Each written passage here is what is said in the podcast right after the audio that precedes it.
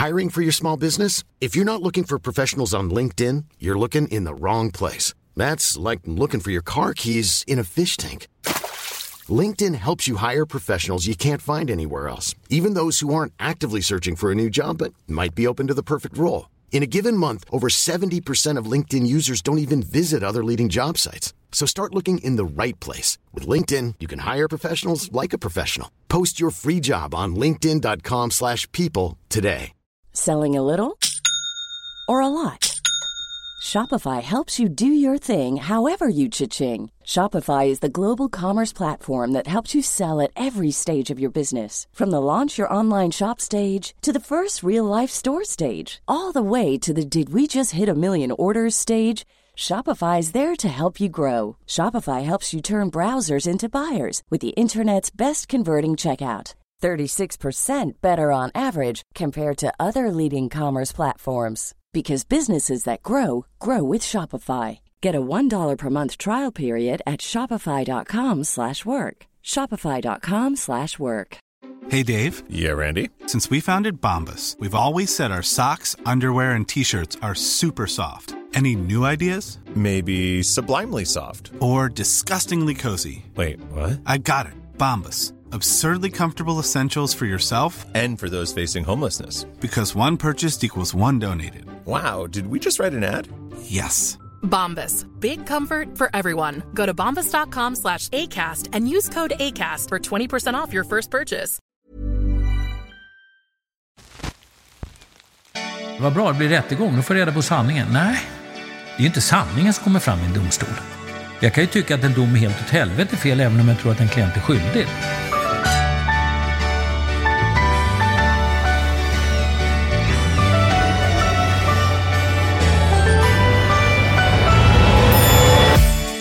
Josefsson har vikt sitt liv åt att på olika sätt jaga sanningen. Oanmäld har han stövlat in i intet ont anande människors liv. Detta jagande har kostat på och idag bor Janne på hemlig adress bakom en skottsäker dörr och tar sällan emot besök. Men det ska det bli ändring på. För i sin hand har Janne precis fått några ledtrådar till vem som just nu närmar sig hans dörr. Välkommen till oväntat besök hos Janne Josefsson. Dagens gäst är advokaten och författaren Thomas Bodström.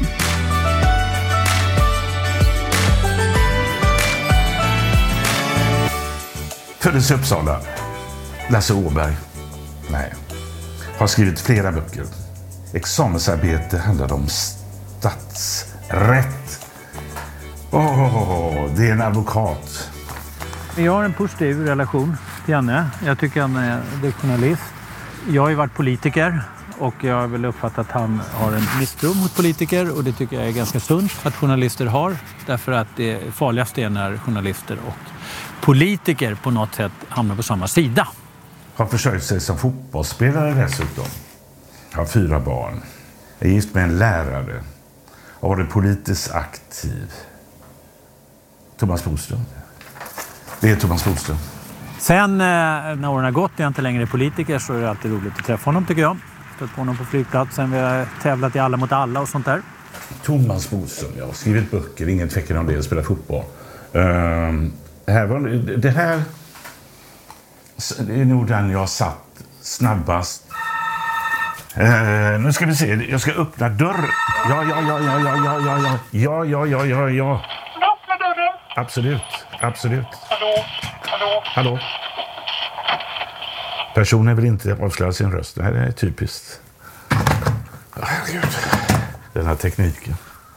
Nu ska jag göra det som är förbjudet. Om jag öppnar den där så kommer jag se vem det är. Ja, jag är helt övertygad. Jag hade rätt! Välkommen! Det är så jävla kul att du kommer. Är vi på, är vi på kramnivå? Ja, det är vi verkligen. Det är vi verkligen. Ja. Och det kanske man inte ska vara när man ska intervjua Nej, en jag person. vet. Men jag kan ändå visa att vi har... Ja. Jaha, ska man hänga av sig här nu? Ja, det får du göra. Kom in här. Tack. Här bor du. Här bor jag. Johan, efter en skilsmässa så hamnar jag här. Men jag trivs här. Ja, det är jättebra. Vill du ha en kopp kaffe innan vi drar igång? Alltså jag har druckit kaffe hela förmiddagen. Ja, men då sätter vi oss.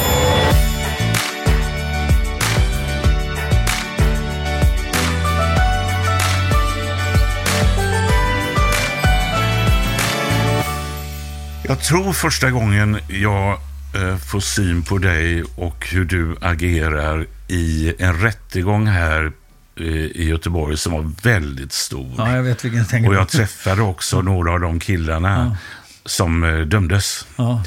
De är ju ute nu. Ja. Och när jag träffar dem här i stan frågar jag, vågar du gå verkligen Ja. Oskyddad Ja. här och sånt här? Det, är brandrättegången. Ja, ja, ja, visst. Du var ju helt nästan okänd då. Ja, var det. Och du, du, vet, du ställde dig upp och liksom förde ett anförande som... eh, Och det var fullt med folk. Ja. Eh, eh, Den här branden där... Jag vet inte hur många som avled. Alltså det- 63. 63. Det är en av de enda gångerna jag eh, går i ett demonstrationståg. Jag är uppvuxen på Ja. Hisingen. Va?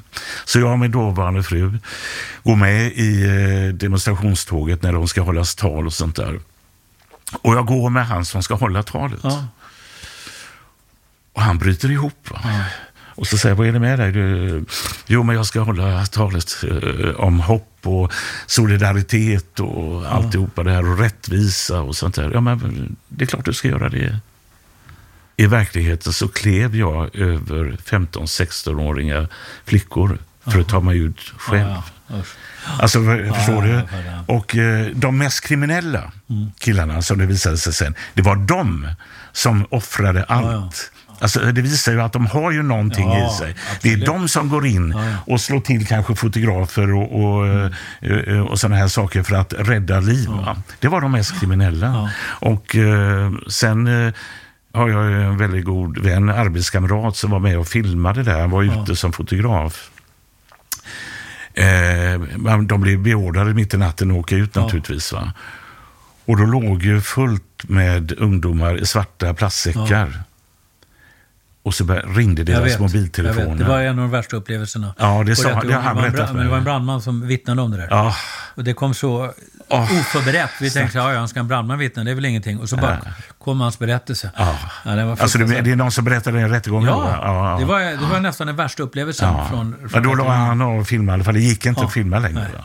Det Så bara ringde och ringde och ringde och ringde. Ja. Så tänker man alla eh, liksom, som står med Ja. telefonen an, alla mammor och papper. Och Ja. bara, usch, ja. Det, var, det var faktiskt det värsta stunden Ja, det är hela nog- det- rättegången. det- det är oförglömligt. När, brandmannen eh, vittnade om det. Där är ju du eh, målsägarbiträde för ett antal. Ja. Va? ja, för jättemånga. Det är där tror jag Göran Persson ser dig. Det är därför han, Han säger det i alla fall. jag tror det. Han sa, och det, visar att han hade inte jättebra koll på det här med rättegångar. För att det var ett väldigt svårt uppdrag, men det var inte svårt i media. Vi Nej. hade ju media liksom Ja. i ryggen. Ja. Och, och Göran sa till mig när han utsedde mig, ja, jag har sett dig i, i tv-debatter med Silbersky i morgonsoffa. Klarar du Silbersky så klarar du Moderaterna, sa han. Mm. Ja. Eh, men saken var ju att det var ju inget svårt. Silbersky var ju inte på mig på något sätt. Det var ju ingen debatt liksom. Utan jag hade ju bara, liksom, det var ju enkelt. Media var enkelt. Det andra var svårt. Men media var enkelt. Trivdes du som eh, justitieminister? Just trivdes är, är, är egentligen fel ord, för man, man är, är ju som i en tvättmaskin. Liksom. Eh, men jag är otroligt glad att jag fått den möjligheten. Och det har ju påverkat hela mitt yrkesliv. Och jag kan ju ibland dra fördel av det idag, fast det är 17 år sedan. Jag kan ju prata på ett sätt så att det låter som jag var justitieminister förra året. Eller kanske till och med fortfarande är det. Så att, eh, det var otroligt spännande, men i slutet var det väldigt, väldigt jobbigt. Eh, därför att eh, ju längre man är, särskilt en post som justitieminister, så Alltså allting berör, varje dag. Och till slut var det att de kunde ringa från Umeå och säga, det var ett mord här, vad du säger om det? Och till slut var man lust att säga, ja det var inte jag i alla fall, ring den som kanske har gjort det. Eh, Så att jag hade nog inte, vi förlorade ju valet 2006, eh, men jag tror inte jag hade... Så du satt i... Sex år, va? Sex det är långt. Va? Ja. Därför man, eh, det är inte en enda dag ledig. Det är inte så att man jobbar hela tiden, Nej. men man är hela tiden eh, alltså ajour. Hela tiden på spänn på något sätt. Låg intensiv stress som eh, finns med hela tiden. Va? Jag har ju träffat Göran Persson ett antal gånger. Eh, oerhört skicklig, begåvad. Mm. Men inte lätt att samarbeta med, va? Eller? Nej, men jag hade ju hans förtroende. Eh, jag var ju handplockad av honom, Mm. så att då skulle han visa också att det var eh, rätt, så att säga. Ja. Och dessutom var han ganska ointresserad av juridik. Mm. Så att han lät mig hållas. Jag fick göra i stort sett vad jag ville. Men han kunde honom. vara taskig mot folk. Innan. Han kunde absolut vara taskig mot folk, men mig var han aldrig taskig. Och han var mycket mer känslig och mjuk än man tror. Mm. Mycket, mycket mer berörd och känslosam Mm, än man tror. Men han var inte någon bra chef egentligen. För att han kunde ju också ringa klockan mm. kvart över sex på morgonen. Mm. Och när Göran Persson ringer, då säger inte han hej, det är Göran Persson, stör mm. jag eller jag ringer lite tidigt? Va? För då hade han vaknat tidigt, varit ute och gått två timmar och så tycker han kvart över sex kan ringa och då säger han bara så här, Persson. Och sen bara går rakt på. Mm. Och jag har ju fyra barn, så det var ju småbarn hemma. Det var ju alltid rörigt på morgonen. Va? Men det, då ville han prata. Så, så på så sätt kunde han, var han inte så bra chef. Men jag gillar ju att göra jättemycket. Ja, ja. Otroligt eh, skicklig och rolig och sympatisk person. Va? Men absolut inte eh, alltså en bra chef mot alla och så vidare. Det eh, Mats, som vi båda ja, känner då, ja. som är redaktör för eh, vad heter Fokus. Fokus ja. Jag var granne med, vad heter han som var eh, känd, han hade startat filmfestivalen här, Gunnar Bergendahl tror jag. Här. Och, ehm, och du är där ja. som gäst och, eh, och det blir ett jäkla väsen för det är väldigt mycket folk ja. inne i den här lägenheten.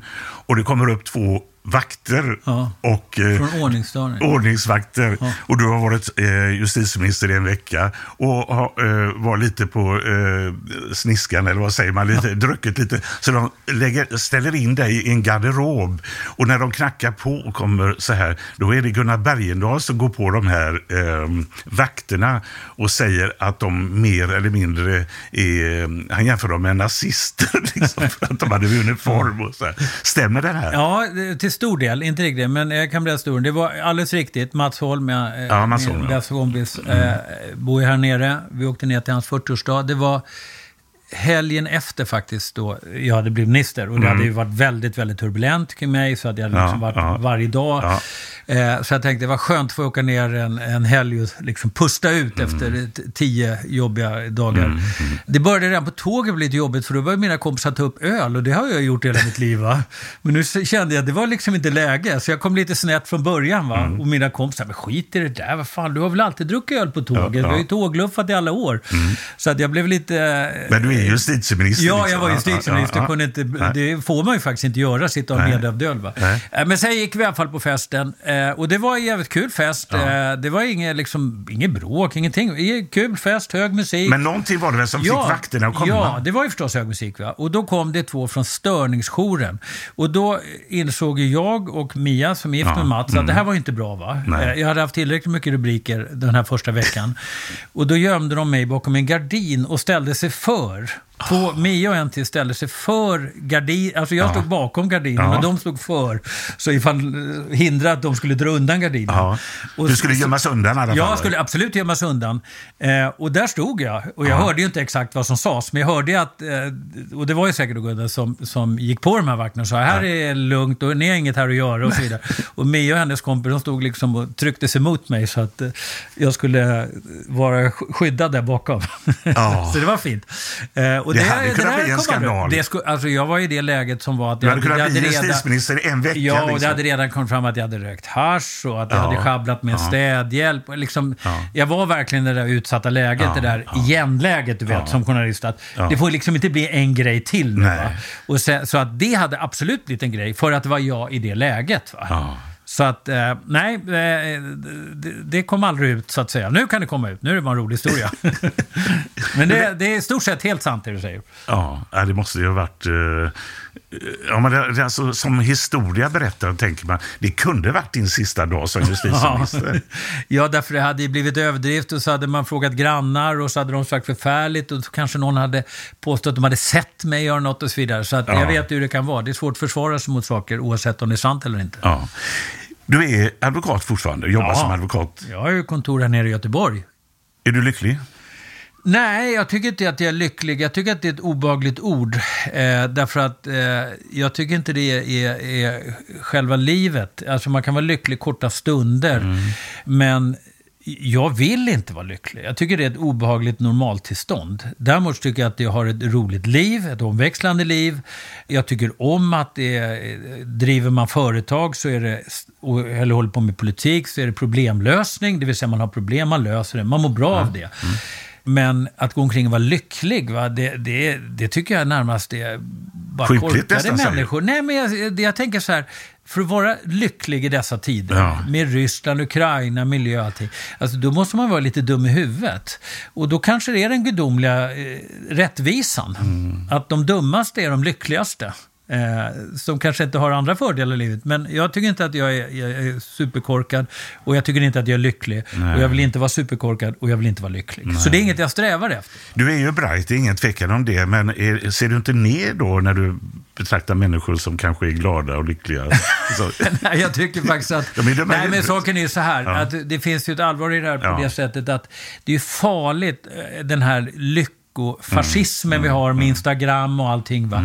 Jag och du klarar det och vi andra här, men, men en 18-åring va, som ser att alla andra 18-åringar verkar så lyckliga, men jag är inte lycklig. Va? Det är inte ett normaltillstånd för en människa att gå omkring och vara lycklig. Va? Det, vi, vi har funnits i hundratusen år, vi, är- vi är stenåldersmänniskor, vi ska överleva. Vi ska må bra ibland, och vi, men, men vi måste ju också vara beredda på eh, faror, utmaningar och lösa problem. Va?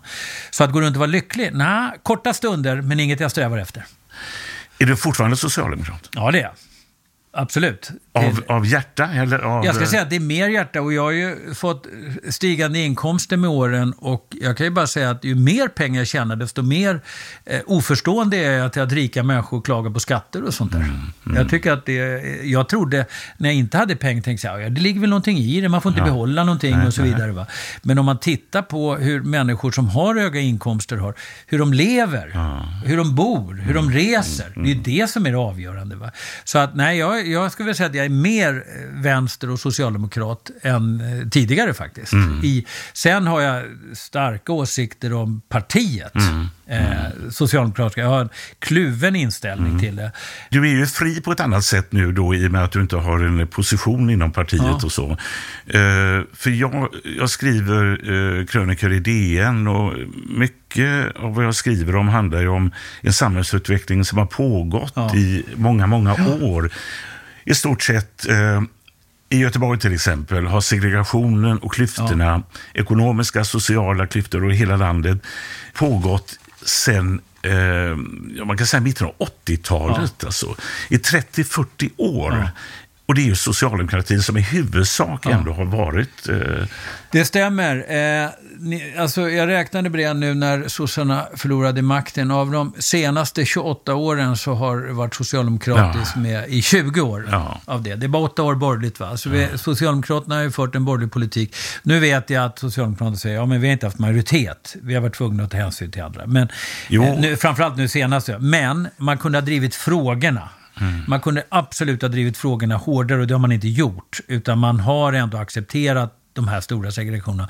Och jag tycker att Socialdemokraterna måste våga vara Socialdemokrater. Man måste våga säga att de som har det bäst ska betala mer. Vi har ju en galen bolagsskatt som är så låg så att det betalar ju lägre skatt än våra tonårsbarn som sommarjobbar i stort sett. Va? vad är det som har gjort att de inte har vågat? Vad är det som... Alltså jag tror att Socialdemokraterna, när de tappade, de hade ju en trygg arbetarklass som, och då, då räckte det. Vi hade ju 50% arbetare i Sverige. Det räckte ju, man behöver inte göra mer än så. Vet du hur många som eh, var och lyssnade på eh, till exempel Olof Palme på 70-talet här i, eh, i Göta, eh, Götaplatsen? 25 000 Ja. folk. Jag tror det ibland var ännu mer. Nu räknade jag senast i första maj här i Göteborg. Vet du hur många som gick i sossarnas tåg? Eh, 2000.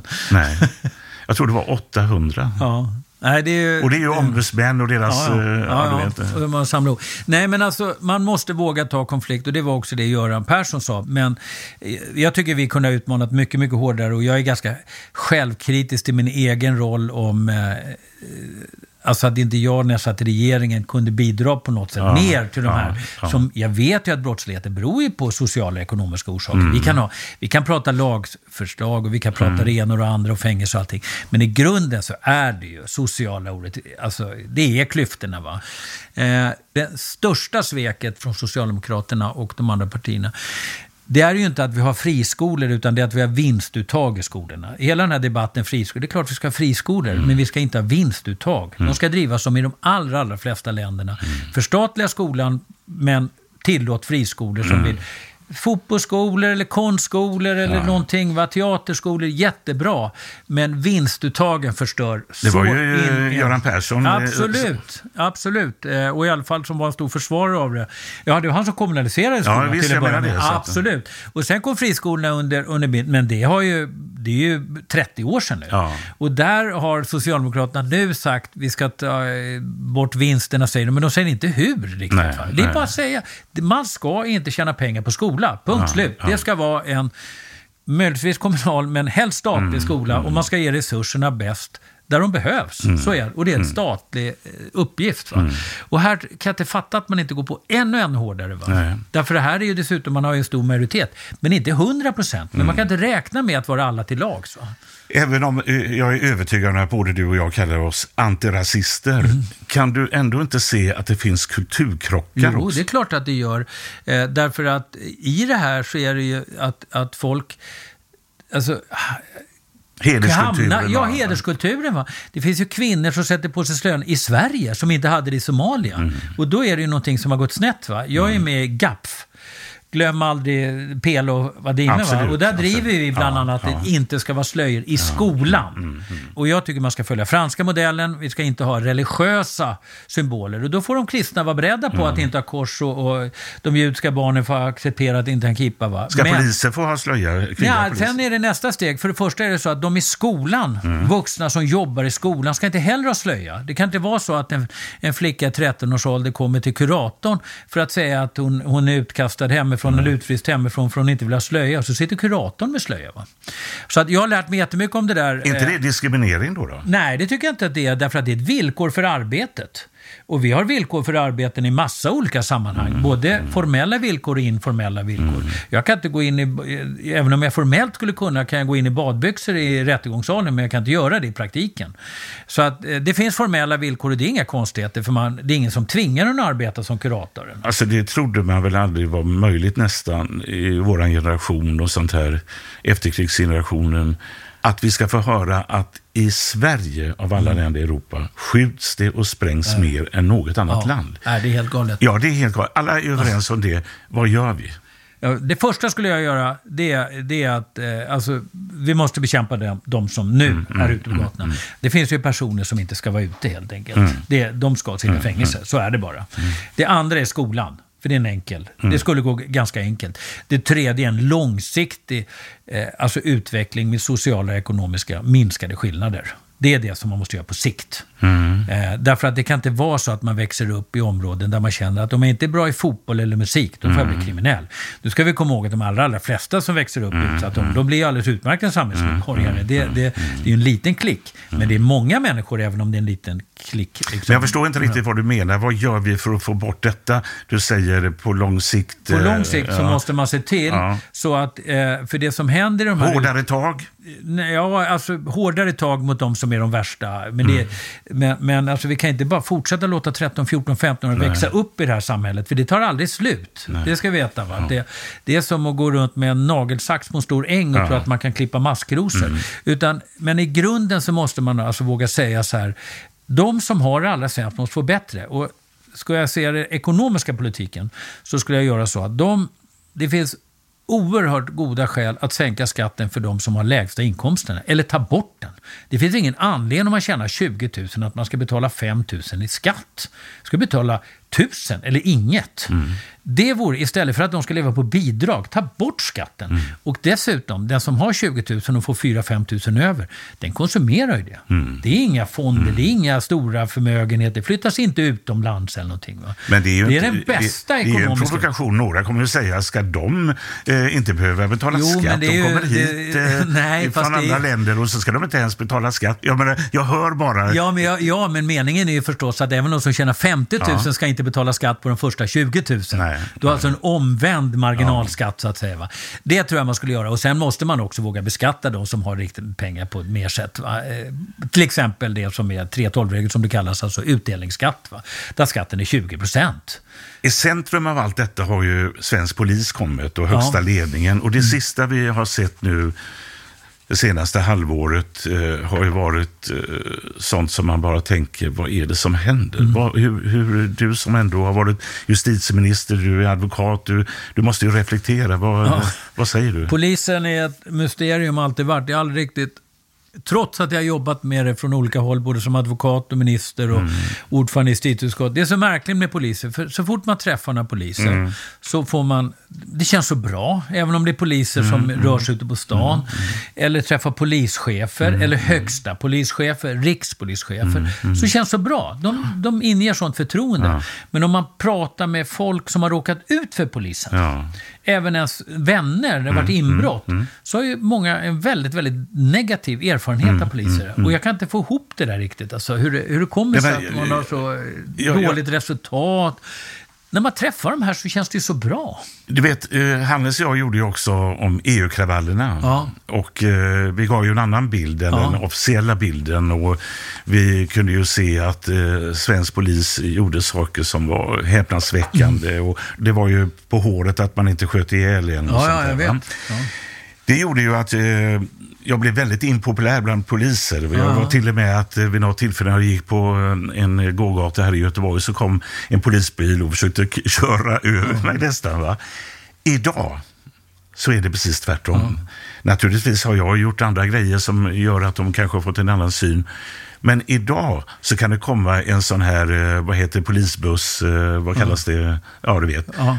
Och så kliver de ut och säger kom in och sätt dig här Janne. Och så, de nästan drar i mig. Va? Och så berättar de, om du visste hur den här jävla poliserna eller polisledningen fungerar.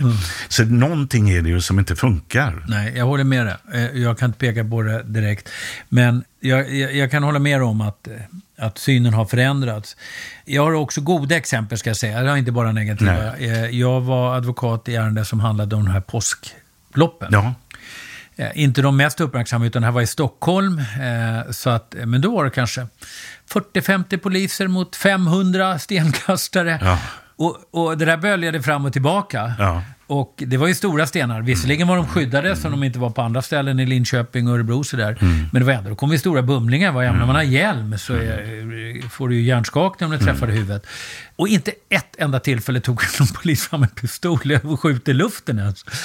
Och, och alltså det måste ju vara något fruktansvärt. Det här är i och för sig poliser som är utbildade för just det här. Men ändå, va, att man höll sig så professionellt. För det filmades i 25 minuter tror jag att det var. Så vi satt och kollade i 25 minuters film. Så att det finns ju också bra exempel på poliser. va. Men det är någonting med polisen som, eh, trots forskning och så vidare, vi inte riktigt kommer åt. Alltså. Eh, Sen ska jag säga så här, riktigt så illa s- som många poliser blir intervjuade kan det inte vara, för man lämnar inte polisen så mycket. Det har alltid varit ett rykte om att poliser lämnar eh, polisen. Det stämmer inte riktigt. Utan poliser är ganska trogna sin tjänst, till och med hela livet, till skillnad mot många andra. Och så gifter de sig ganska ofta med en annan polis.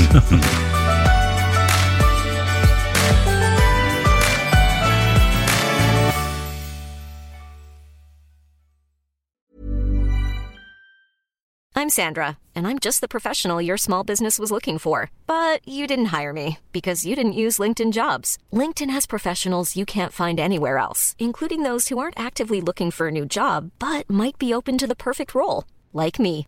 In a given month, over 70% of LinkedIn users don't visit other leading job sites. So if you're not looking on LinkedIn, you'll miss out on great candidates like Sandra. Start hiring professionals like a professional. Post your free job on linkedin.com/people today. Life is full of awesome what ifs, and some not so much, like unexpected medical costs. That's why United Healthcare provides Health Protector Guard fixed indemnity insurance plans to supplement your primary plan and help manage out of pocket costs. Learn more at uh1.com. Hey, Dave. Yeah, Randy. Since we founded Bombus, we've always said our socks, underwear, and t shirts are super soft. Any new ideas? Maybe sublimely soft. Or disgustingly cozy? Wait, what? I got it. Bombus. Absurdly comfortable essentials for yourself And for those facing homelessness. because one purchased equals one donated. Wow, did we just write an ad?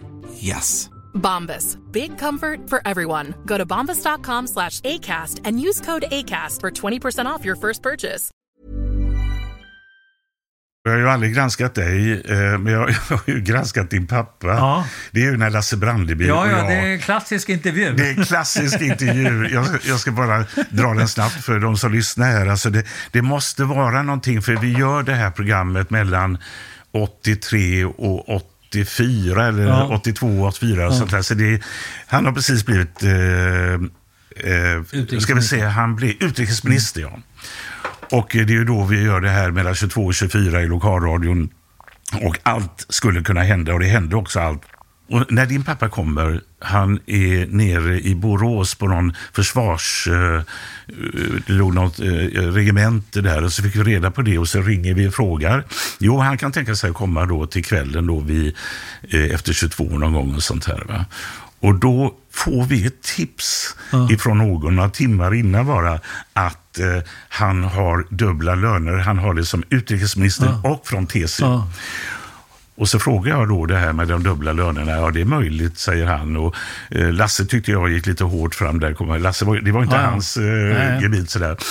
Underbar eh, människa som jag saknar fortfarande för övrigt. Men så frågar jag så här, stämmer det att du får dubbla löner? Och så här, det är en väldigt intressant fråga. Ja, men stämmer det eller stämmer det inte? Ja, eh, det stämmer, eh, säger eh, han då. Och så lämnar han. Det är inte därför jag har kommit, så han lämnar. Så jag säger, ja, där går utrikesministern ut ur studion. Ja, ja, ja. Och det blir löpsedlar. Ja, Och det blir till och med löpsedlar. UD-protest mot lokalradion. Han var väldigt känslig, min Ja, pappa, men det var ju en fullt berättigad fråga. Det hade han förstått. Ja. Det, hade, det var ju självklart fråga. Det var okej oss att ställa ja, frågan. Ja, ja. absolut. Jag skulle säga att det var skyldigt att ställa frågan för er om ni fick det tipset. Ja, ja, och det ja. stämde också. Ja. Det jag tror var att, jag tror att eh, han fick ju pension sen när han slutade. Ja. Och han var ju vän med Björn Rosengren. Och Björn Ja. Rosengren var ju så här, han var ju liksom en, en, en kompis som man säger så. Ja. Så att jag tror att han fixade till det där jävligt bra. Så. Ja, ja. fixa till det. Ja. Björn Med pensionen och sånt. Han är så himla skön. Han känner jag rätt väl. Så. Så att jag tror att det, jag tror att jag fick så rätt. Men det är klart att det, att det var en fullt berättigad fråga. Det skulle min farsa fattat också. Sen i stundens Ja. så lämnar han och så vidare. Och det, Faktum är att jag har träffat en person som har lurat skjortan på dig. Ja. Av dig, säger man. Och det var en eh, person jag gjorde program om som var en eh, ekonomisk brottsling. Han köpte upp eh, företag av sina egna pengar, lånade Ja. pengar. Och eh, han, det, det var första gången jag gör om honom och då, och då ledde det till att en eh, textilfabrik med 50-60 sömmerskor fick sparken och sånt där. Va? Han var en ekonomisk brottsling och jag träffade honom och eh, han var sådär manipulatör som Ja, ja. kunde sälja dammsugare, ett par, Ja, tre stycken till någon som redan hade en dammsugare. Han var Electrolux absolut främsta dammsugarförsäljare Ja, på sin tid. Och när jag gjorde det då så var han ju väldigt, eh, han ville inte vara med. Och eh, jag åker till honom där han bodde. Han var hemma där, hans fru sa att han inte var hemma. Och eh, så ringer jag och så säger den att jag får komma in. Så jag, kommer in med, jag går in med dold mikrofon och sen står tv-teamet utanför. Och man hör att han bonkar till mig så att jag, jag bara skriker och sånt där. Va? Så småningom så gör jag en uppföljning. Ja. Eh, då har det förflutit 15-20 år nästan. Ja, ja. Och då möter jag honom på ett annat ställe nere i Skåne. Och han bor och lever och han släpper in mig igen. Ja. Och jag har dold kamera, eller inte dold kamera med dold mikrofon. Och så säger jag till honom så här. Hur har du det nu då? Ja, men jag har det jättebra, bla bla. Och han var eh, fräsch på många sätt och kunde diskutera och sånt där. Men så säger jag till honom så här. Ja, sen vi träffades senast har du ju tre eh, rätt tuffa fängelsestraff. Ja. Och? Ja, men hur har det varit? Ja. Nej, men eh, det fixar jag, vet du. Hur fixar du det? Nej, jag köpte en läkare, sa han. Och så berättade Ja. han vad, till och med vad läkaren hette och sånt där. Och eh, det ledde till att du benådade honom. Du kommer inte ihåg det här? Ja, men jag undrar om det stämmer. jo, det stämmer, ser du. Gjorde det? Ja, men då måste han för- ha haft mer skäl. Då måste han ha haft jätte, jättestarka skäl. Nej, det var just de här eh, läkarens utlåtande att han skulle ha blivit dement. Va? Ja, då kan det kanske. Eh, då har ju du ett läkarintyg Ja, ja, absolut. att han är ja, dement. Ja. Nej, men, men dement kan absolut vara, för man ska inte behöva dö i fängelset. Va? Nej, dement. jag så förstår att det. det. Så att det, det var en regel. Jo, det var för, inte så för att det räcker inte med att man är, är, är sjuk bara. Men vi Ja. hade ett betydligt svårare fall. Ja. Hallandsmordet kallades det. var Mm. en kille som, och det var väldigt bestialiskt, för det var så här halloween-mordet Ja, och det var en, ja. man hade huggit huvudet och någon. Mm. Och då blev en eh, man dömd för det, Mm. i 30-årsåldern någonting. Och omedelbart efter han var dömd så fick han cancer Ja. och skulle dö. Ja. Och det skrev läkarna. Ja. Och då skulle jag alltså benåda honom, han bara suttit ett halvår Mm. eller ett Mm. år i fängelse. Va? Och det där blev väldigt besvärligt, men jag gjorde faktiskt det. Mm. Och hade han överlevt, Mm. då kan man inte ta tillbaka benådningen. Nej, nej. Då är det va. Och jag vet ju att jag var nere här i Göteborg, var med i det här programmet Debatt. Mm. Och jävla vad jag blev ansatt av moderater och andra va. Ja. Men eh, jag stod på mig, han fick nåd. Läkarna Ja. hade rätt. Han dog ett halvår senare och jag är väldigt glad att jag stod på mig. Då var jag lite... Läkarpapper är ju tunga. Eh, jag vet, anledningen till att jag reagerade Ja. först var att jag var så van vid att läkare säger han mår dåligt och bla bla. Ja, det nej, räcker men det- det- inte. han kallades Men demens, Ja. alltså, det, tanken är, och jag skulle tro att de skrev någonting om att han inte hade så lång tid kvar att leva antagligen. För Ja. då, då går Kommer du till och med in. ihåg det här Nej, men jag, jag har Ja. haft många sådana. Va? Och, och att man är sjuk och sånt, då är svaren tråkiga. Liksom, då är de bara säger ja men det finns sjukvård i fängelset. Då får du vara på sjukhus. Punkt slut. Mm. Tom- Men ja. man, man ska inte behöva dö i fängelset.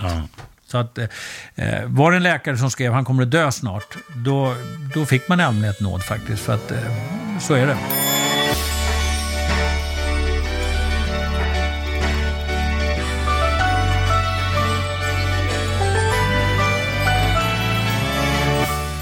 Alltså, du och jag skulle kunna sitta och prata Ja, hur länge som helst eftersom vi är lika, varit med om saker och vi Mm. gillar att snacka så här. Men eh, din inställning till lycka där eh, kommer jag ju tänka på så här. Och då tänker jag så här, vad gör dig lycklig idag? Vad är så, det, eh, kan du minnas någonting när du var liten, sådär fem sex år, vad som eh, får Alltså, dig... Och sen vad du, eh, vad du kan bli lycklig av idag? Lycka Ja. tycker jag, fortfarande... Alltså, lycka det? under många, i många år har ju varit eh, idrott, alltså när jag spelat fotboll.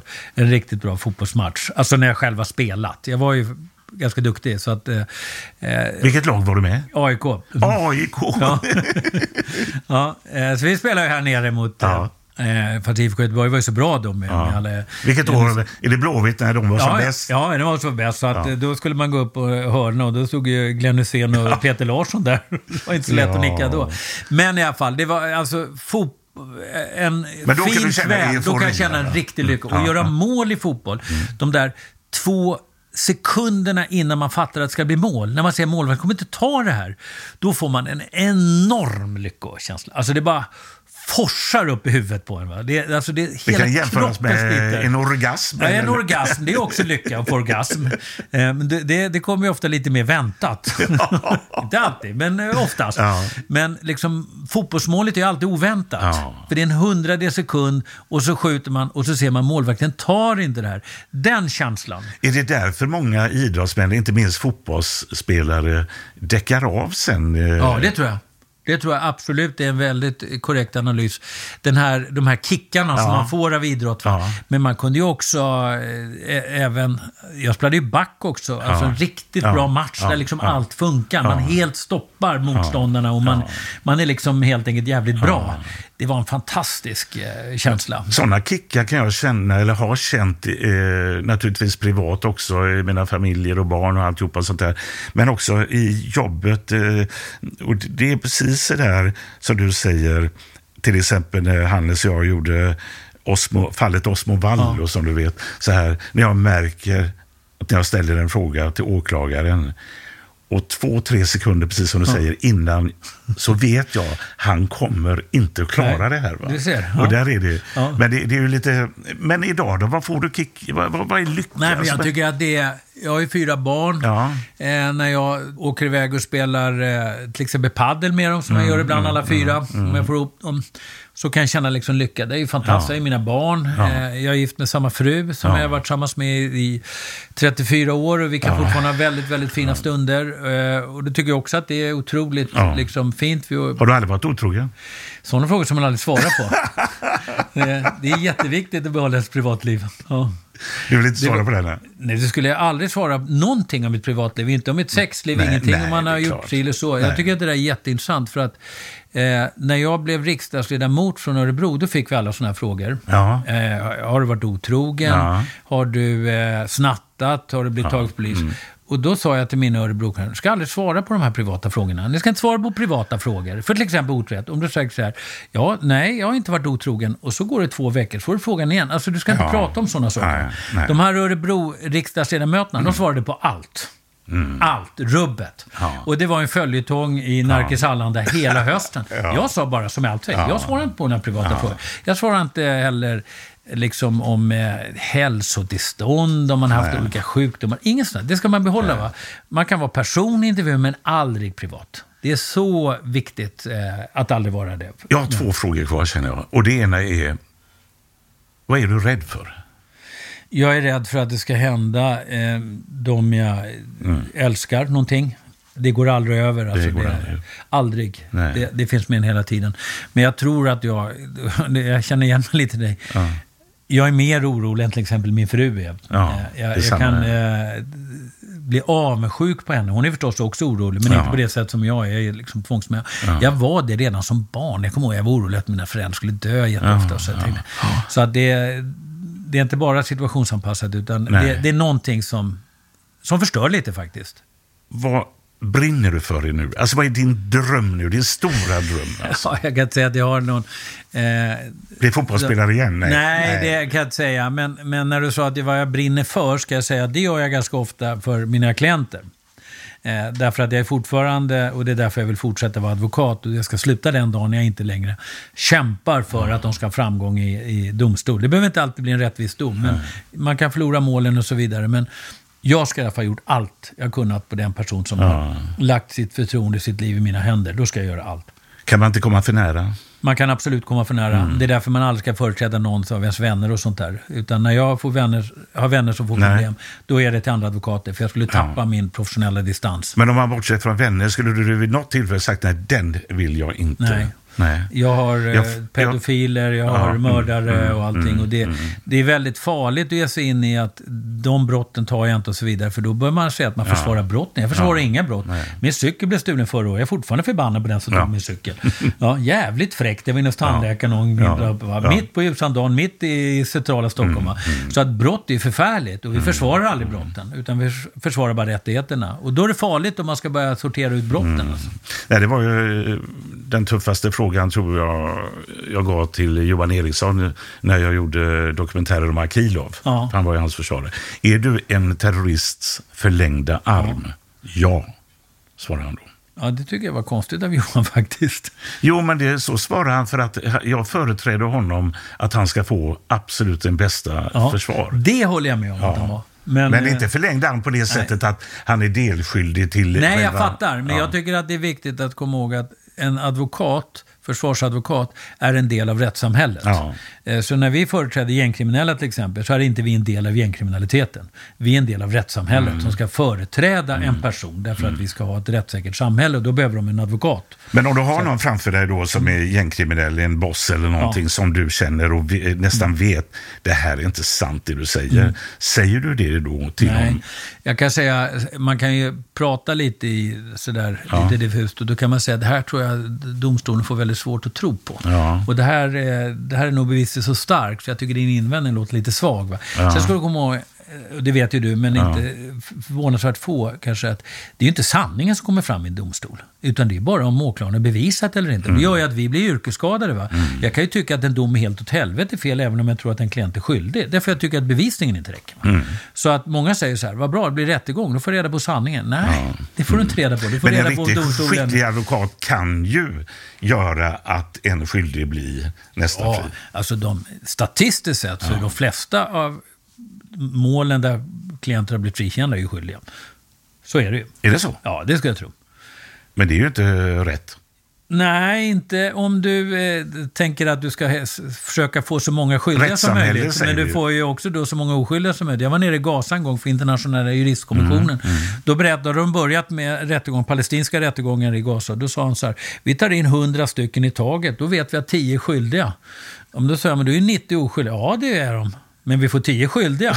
Och jag sa, ja men du får ju 90 oskyldiga. Ja, men vi får 10 skyldiga. Så höll vi på sådär, fram och tillbaka. Det var hans sätt att få fast 10 skyldiga. Ja. Tänk om det blir så i Sverige så småningom. Ja, och när du har till exempel sexualmål så är det ju så att det finns nog inget där så många oskyldiga går fria, men så många skyldiga som också är, alltså oskyldiga som sitter i fängelse. Är det så? Ja, det är det absolut. Därför att det är så svårt att bevisa vad händer liksom, inne i sängkammaren. Men var du inte en av de som inledde och till och med föreslog den här lagen som gör att eh, ja, det är någonting där du... Med samtycke? Ja, samtycke. Nej, det var ja. det faktiskt inte, men det har kommit efter. Men det är, det är inte egentligen det som är felet, utan det kommer alltid vara problem med sexualbrott som inte har våld i sig. Därför att det är ju ofta bara en kvinna och en man som Mm. kan säga någonting. Och eh, min största kritik mot domstolen är att de fortfarande tror att de kan avgöra om en människa ljuger eller inte, vilket Ja. är helt omöjligt. Ja. De kan nä- nästan lika gärna kasta en tärning. Men var du inte med och genomförde en lagstiftning Jo då, det vad det gäller jag. det, detta? Det vill säga, det krävs inte fysiskt våld. Nej, det är helt riktigt. Och det Eh, var väl en skärpning som Ja, inte det var det absolut. Och det tycker jag var helt rätt. Det vill säga att man kan vara i en väldigt utsatt situation, man kan vara så berusad så att det blir som ett sexuellt, Mm, mm, alltså en mm. Våldtäkt. Så det var jag absolut med. Men du ångrar inte den alltså? Nej, det gör jag inte. Men, jag, men ibland så blir jag olycklig när jag ser eh, hur, hur, alltså, Folk måste ju få vara berusade av sex utan Mm, att man blir dömd för våldtäkt för att den påstår efteråt. Så att jag tycker att eh, vi har en oroväckande utveckling. Samtidigt ska vi komma ihåg att väldigt många skyldiga går också fria. Alltså. Mm. Är, men vi måste acceptera att det här är jätte, jättesvårt. Va? Vi kan Mm. inte jämföra det med narkotikabrott. Där är det ju nästan 100% uppklarning. Eller rattfylleri. Så där är du lite självkritisk alltså? Eller? Ja, fast jag tycker egentligen inte det är lagstiftningen som är fel, utan jag tycker det är tillämpningen i domstolarna. Jo, men du- att de för mycket tror Tillämpning på... kommer ju till eftersom Jo, men lagstiftningen alltså det som jag tycker är felet är att man fortfarande inbillar sig att man kan tro om en målsägande talar sanning eller inte. Det är min största kritik. Och det kan man helt enkelt inte. Det är vetenskapligt bevisat. Mm. Procenten ligger alltså på 52 procent, det vill säga man har 50 procent från Mm, början. mm. Så det är strax över att s- slå med en tärning. Det har ingenting med att göra hur man, hur man uppträder, och man ser nervös ut, att man flackar med blicken. Ingenting har det med att göra. Utan det, folk ljuger mycket, mycket bättre än de tror. Men man är mycket, mycket sämre på att avgöra om andra ljuger. Mm. Det är vetenskapen. Och det följer man inte i domstolen. Man har någon, och jag bråkar med domare om det här när jag, som jag känner privat. Va? Och de tror att de kan avgöra. Thomas? Ja, måste vi sluta nu? Ja, du måste. Vi som har så kul. ja, Ja, jag håller med dig. Vi kan sitta här hur länge som Ja, det helst. är underbart att snacka med dig.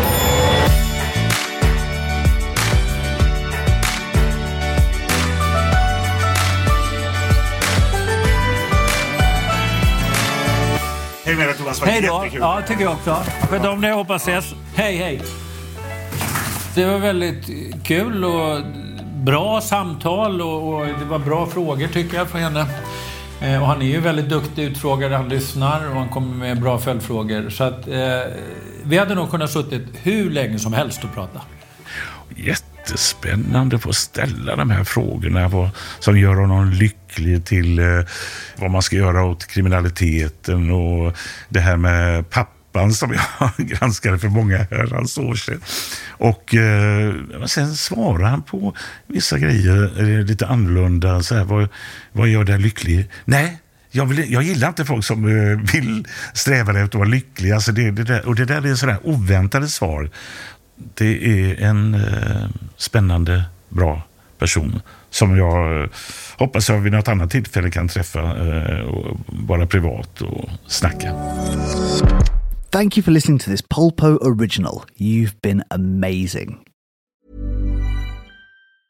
Mom deserves the best, and there's no better place to shop for Mother's Day than Whole Foods Market. They're your destination for unbeatable savings, from premium gifts to show-stopping flowers and irresistible desserts. Start by saving 33% with Prime on all body care and candles. Then get a 15-stem bunch of tulips for just $9.99 each with Prime. Round out Mom's menu with festive rosé, irresistible berry chantilly cake, and more special treats. Come celebrate Mother's Day at Whole Foods Market.